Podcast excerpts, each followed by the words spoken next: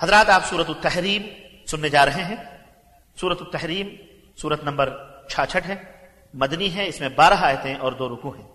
پہلی ہی آیت میں نبی کریم صلی اللہ علیہ وسلم کو خطاب کر کے کہا گیا ہے، لِمَ تُحَرِّمُ مَا أَحَلَّ اللَّهُ لَكَ یہیں سے اس سورت کا نام ماخوذ ہے۔ قرطبی نے لکھا ہے کہ اس کا ایک دوسرا نام سورت النبی بھی ہے۔ اس کا زمان نزول قرطبی کہتے ہیں کہ سب کے نزدیک یہ سورت مدنی ہے۔ نحاس اور ابن مردوہ نے ابن عباس رضی اللہ تعالیٰ عنہما سے روایت کی ہے کہ سورت التحریم مدینہ منورہ میں نازل ہوئی تھی۔ تو لیجیے سماعت فرمائیے سورت التحریم۔ بسم اللہ الرحمن الرحیم۔ اللہ کے نام سے شروع جو بڑا مہربان نہایت رحم والا ہے یا ایوہ النبی لم تحرم ما احل اللہ لك تبتغی مرضات ازواجک واللہ غفور رحیم اے نبی جسے اللہ نے آپ کے لیے حلال کیا ہے آپ اسے حرام کیوں کرتے ہیں؟ کیا آپ اپنی بیویوں کی خوشی چاہتے ہیں اور اللہ بخشنے والا رحم کرنے والا ہے؟ قد فرض الله لكم تحلة أيمانكم والله مولاكم وهو العليم الحكيم۔ اللہ تعالیٰ نے تمہارے لیے ناجائز قسموں کو کھول دینا واجب قرار دیا ہے۔ اللہ تمہارا مولا ہے اور وہ سب کچھ جاننے والا، حکمت والا۔ ہے وَإِذْ أَسَرَّ النَّبِيُّ إِلَى بَعْضِ أَزْوَاجِهِ حَدِيثًا فَلَمَّا نَبَّأَتْ بِهِ وَأَظْهَرَهُ اللَّهُ عَلَيْهِ عَرَّفَ بَعْضَهُ وَأَعْرَضَ عَن بَعْضٍ. فلما نبأها به قالت من أنبأك هذا؟ قال نبأني العليم الخبير. جب نبی نے اپنی کسی بیوی سے ایک راز کی بات کہی، اس بیوی نے وہ بات آگے بدلا دی اور یہ معاملہ اللہ تعالیٰ نے نبی پر ظاہر کر دیا۔ اب نبی نے اس بیوی کو کچھ بات تو جتلا دی اور کچھ نہ جتلائی۔ پھر جب نبی نے اسے بتلایا تو وہ پوچھنے لگی کہ آپ کو اس کی کس نے خبر دی؟ نبی نے کہا، مجھے اس نے خبر دی جو علیم و خبیر ہے۔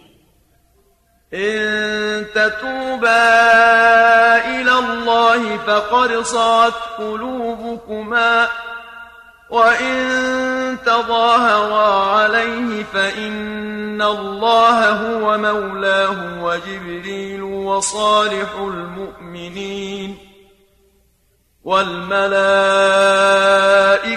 بعد ذلك ظهير اگر تم دونوں اللہ کے حضور توبہ کرتی ہو تو بہتر ہے، ورنہ تمہارے دل کجرو ہو گئے۔ اور اگر تم نبی کے خلاف مہادارائی کرو گی تو اللہ جبریل اور صالح مومن سب نبی کے مددگار ہیں۔ اور ان کے علاوہ فرشتے بھی اس کے مددگار ہیں۔ عسى ربه إن طلقكن أن يبدله أزواجا خيرا مسلمات مؤمنات مسلمات مؤمنات قانتات تائبات عابدات سائحات ثيبات وأبكارا کچھ بعید نہیں کہ اگر نبی تمہیں طلاق دے دے تو اس کا رب اسے تم سے بہتر بیویاں بدل دے جو مسلمان مومن اطاعت گزار توبہ کرنے والیاں عبادت گزار اور روزے دار ہوں شادی شدہ یا کنواریاں۔ يا أيها الذين آمنوا قوا أنفسكم وأهليكم نارا وقودها الناس والحجارة وقودها الناس والحجارة عليها ملائكة غلاظ شداد لا يعصون الله ما أمرهم لا يعصون الله ما أمرهم ويفعلون ما يؤمرون اے ایمان والو أپنے آپ کو اور اپنے گھر والوں کو اس سے بچاؤ۔ جن کا ایندھن آدمی اور پتھر ہیں، اس پر تند خو اور سخت گیر فرشتے مقرر ہیں۔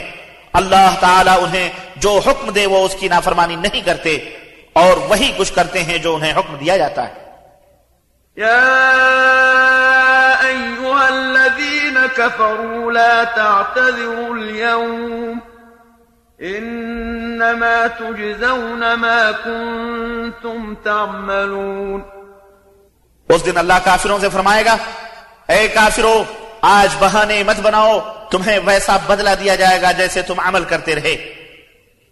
يا أيها الذين آمنوا توبوا إلى الله توبة نصوحا عسى ربكم أن يكفر عنكم سيئاتكم ويدخلكم جنات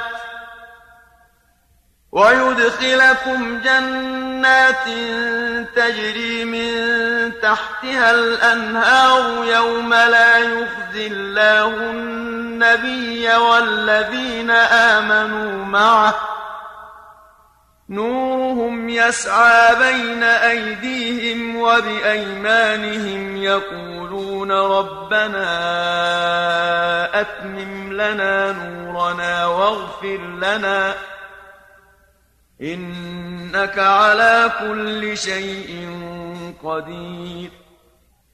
اے ایمان والو اللہ کے حضور خالص توبہ کرو۔ کچھ بعید نہیں کہ تمہارا رب تم سے تمہاری برائیاں دور کر دے۔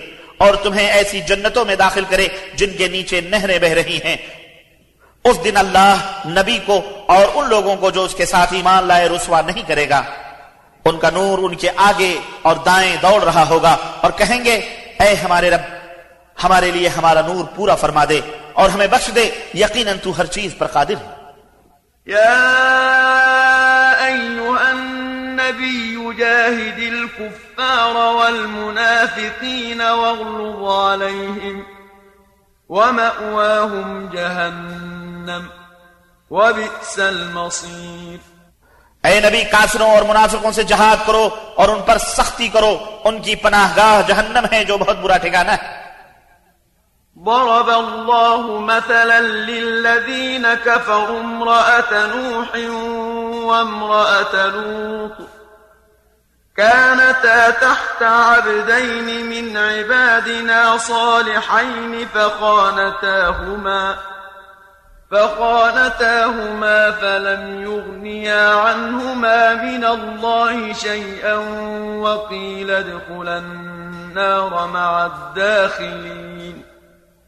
اللہ تعالیٰ کافروں کے لیے نوح اور لوت کی بیویوں کو بطور مثال بیان فرماتا ہے۔ وہ دونوں ہمارے بندوں میں سے دو صالح بندوں کے نکاح میں تھی مگر انہوں نے اپنے شوہروں سے خیانت کی۔ تو وہ اللہ کے مقابلے میں ان دونوں کے کچھ کام نہ آ سکے۔ اور دونوں سے کہہ دیا گیا کہ جہنم میں داخل ہونے والوں کے ساتھ داخل ہو جاؤ۔ وضرب الله مثلا للذين آمنوا امرأة فرعون إذ قالت رب ابن لي عندك بيتا في الجنة ونجني من فرعون وعمله ونجني من فرعون وعمله ونجني من القوم الظالمين. اور اسی طرح اللہ تعالیٰ ایمان والوں کے لیے فرعون کی بیوی کی مثال پیش کرتا ہے۔ جب اس نے دعا کی اے میرے رب میرے لیے اپنے پاس جنت میں گھر بنا دے اور مجھے فرعون اور اس کے عمل سے نجات دے اور ان ظالموں سے بھی نجات دے۔ ومريم ابنة عمران التي أحصنت فرجها فنفخنا فيه من روحنا وصدقت بكلمات ربها وكتبه وصدقت بكلمات ربها وكتبه وكانت من القانتين. اور مریم بند عمران کی بھی مثال ہے جس نے اپنی عصمت کی حفاظت کی پھر ہم نے اس کے اندر اپنی ایک روح پھونک دی اور اس نے اپنے رب کے کلمات کی اور کتابوں کی تصدیق کی اور وہ اطاعت گزار تھی۔